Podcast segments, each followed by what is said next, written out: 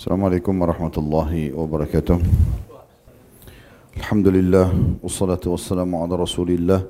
Segala puji dan puja kehadirat Allah Subhanahu wa taala juga salawat dan taslim kepada Nabi besar Muhammad sallallahu alaihi wa ala alihi wa sahbihi wasallam. Melanjutkan berapa kita sahih targhib tarhib dan kita masih dalam kitab sedekah dan masih di bab pertama anjuran membayar zakat dan penegasan terhadap wajibnya. Dan kita akan masuk hadis ke-6 ada 6A dan 6B namun ini adalah hanya penyebutan riwayat saja dan ini menguatkan riwayat 4 dan 6 tadi siang yang kita bahas duhur.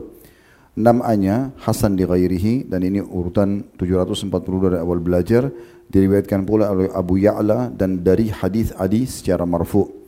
Serta 6B-nya sahih mauquf untuk menjadi sahih tapi hanya sampai sahabat saja kepada Hudzaifah bin Yaman radhiyallahu anhu dan dikatakan oleh Darul Qutni atau diriwayatkan oleh Darul Qutni. Dan dimaksud adalah hadis nomor lima. Saya ingatkan kembali yang kata Nabi SAW, Al-Islamu thamaniyatu ashum, Islam itu terdiri dari delapan saham, artinya orang akan mendapatkan banyak pahala melimpah pada hari kiamat kalau punya saham-saham ini. Al-Islamu sahmun menjadi seorang muslim sendiri adalah satu saham. Wassalatu sahmun Salat itu sendiri juga saham. Wazzakatu sahmun Zakat juga adalah satu saham. Wassawmu sahmun Berpuasa juga adalah satu saham. Wahijjul baiti sahmun Haji ke rumah Allah juga satu saham. Wal amru bil ma'rufi sahmun Menyeru kepada kebaikan adalah satu saham. Mohon maaf wan nahyi anil mu wan anil munkari sahmun. Melarang dari kemungkaran juga satu saham. Wal jihadu fi sabilillah sahmun. Berjihad Allah adalah satu saham. Wa qad khaba man la sahma sungguh rugi orang-orang yang tidak memiliki saham-saham tersebut. Jadi hadis nomor 6A dan 6B adalah menguatkan riwayat tadi nomor 5 yang sudah kita bacakan kita lanjutkan hadis ketujuh dalam bab ini Hasan di ghairihi menjadi hasan karena dikuatkan dengan riwayat-riwayat lain urutan 743 dari awal belajar berbunyi. Dari Jabir radhiyallahu anhu dia berkata qala rajul ya Rasulullah araita in adda in adda ar-rajulu zakata malihi? Faqala Rasulullah SAW man adda zakata mali faqad dhahaba anhu syarruhu. Seorang laki-laki bertanya ya Rasulullah, bagaimana menurut anda jika seseorang membayar zakat hartanya? Maka kata Nabi SAW, barang siapa membayar zakat hartanya, maka pastikan keburukan yang ada dalam dirinya telah lenyap.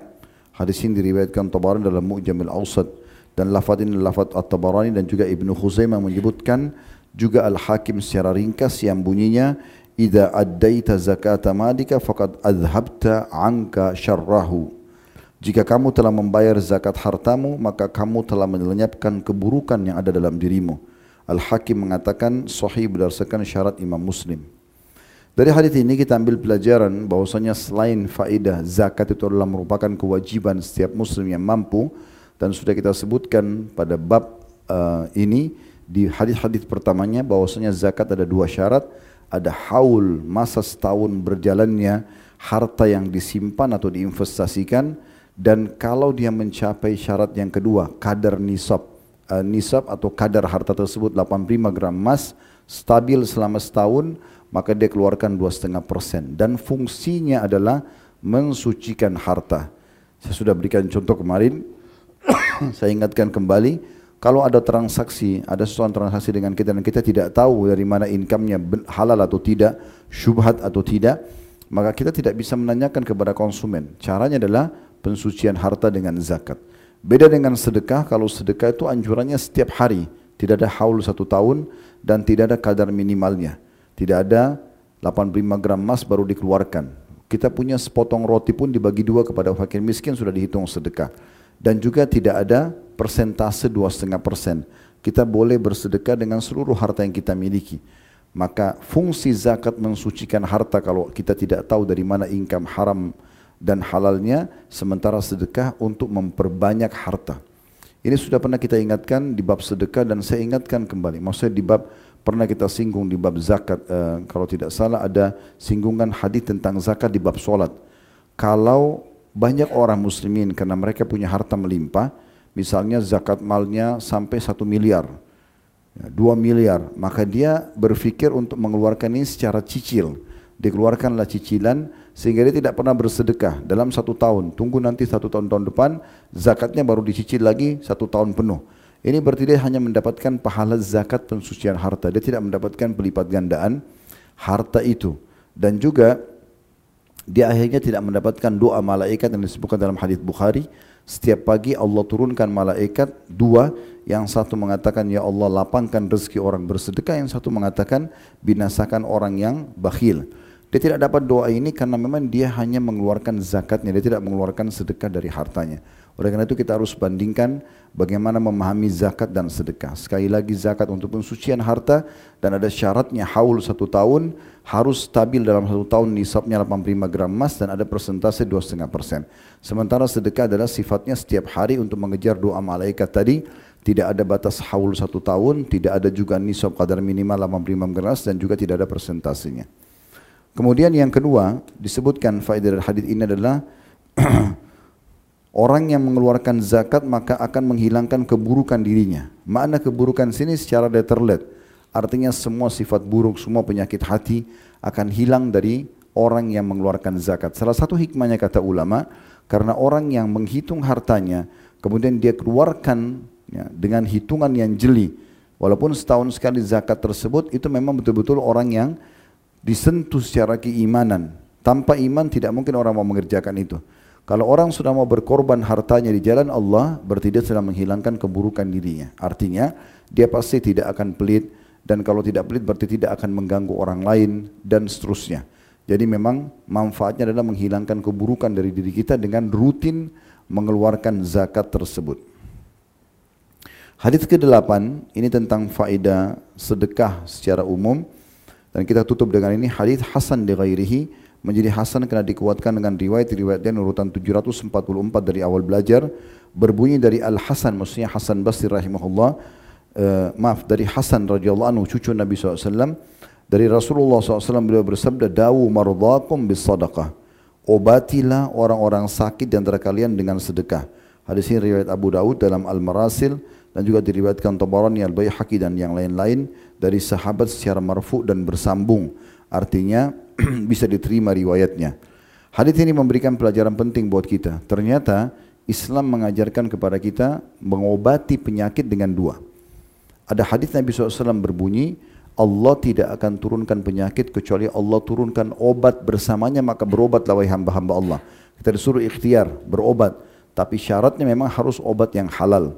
Karena Nabi SAW bersabda dalam hadis lain, Allah tidak jadikan kesembuhan kalian pada hal-hal yang dia haramkan. Kalau misalnya dokter bilang Anda tidak bisa sembuh kecuali minum khamr ini misalnya atau obat ini tapi dari lemak babi, maka pastikan tidak akan sembuh. Karena iman Nabi SAW mengatakan Allah tidak jadikan kesembuhan kalian pada hal-hal yang ia haramkan. Jadi kita boleh ikhtiar berobat dan cukup banyak ikhtiar berobat dalam Islam. Seperti misalnya mengkonsumsi madu yang Allah Subhanahu wa taala menyebutkan dalam surah An-Nahl surah nomor 16 tentang lebah fihi syifa'un linnas. Dari perut lebah itu keluar cairan maksudnya madu yang untuk mengobati manusia. Di Timur Tengah, madu itu digunakan untuk pengobatan internal dan eksternal. Internal diminum, kalau eksternalnya dioleskan. Jadi pernah kejadian di Syria, ada orang tabrakan, batok kepalanya pecah, kemudian oleh orang-orang sana dioles dengan madu. Subhanallah bersatu kembali, tanpa dijahit. Ya ini ada yang terjadi, dan ini memang keajaibannya cukup banyak. terjadi di alam manusia yang sudah diceritakan oleh para ulama dalam bahasan ini dan sudah kami bedah panjang lebar di YouTube pada saat membahas corona dan solusinya dalam Islam di antaranya tentang faedah madu ini. Juga Nabi SAW mengatakan kesembuhan pasti ada di tiga. Di madu, kemudian bekam dan juga kai. Kai itu menggunakan besi panas yang dikagetkan di tubuh. Biasanya kalau orang stroke.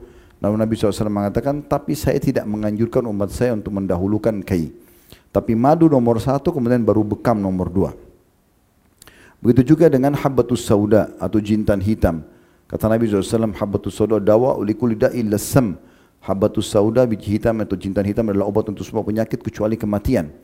Dan juga banyak obat-obat yang lain yang Nabi SAW sudah ajarkan kepada kita. seperti mengkonsumsi susu yang segar, kemudian juga e, berobat dengan obat-obat yang dihalalkan dalam agama apa pun bahannya, Ya kita Indonesia mungkin jamu-jamuan, herbal ataupun obat medis yang penting tidak ada haramnya maka ini semua dibolehkan. Ini metode pengobatan yang pertama. Metode pengobatan yang kedua adalah dengan amal-amal saleh. Amal saleh itu di antaranya ruqyah syariah, bacakan ayat-ayat Al-Quran.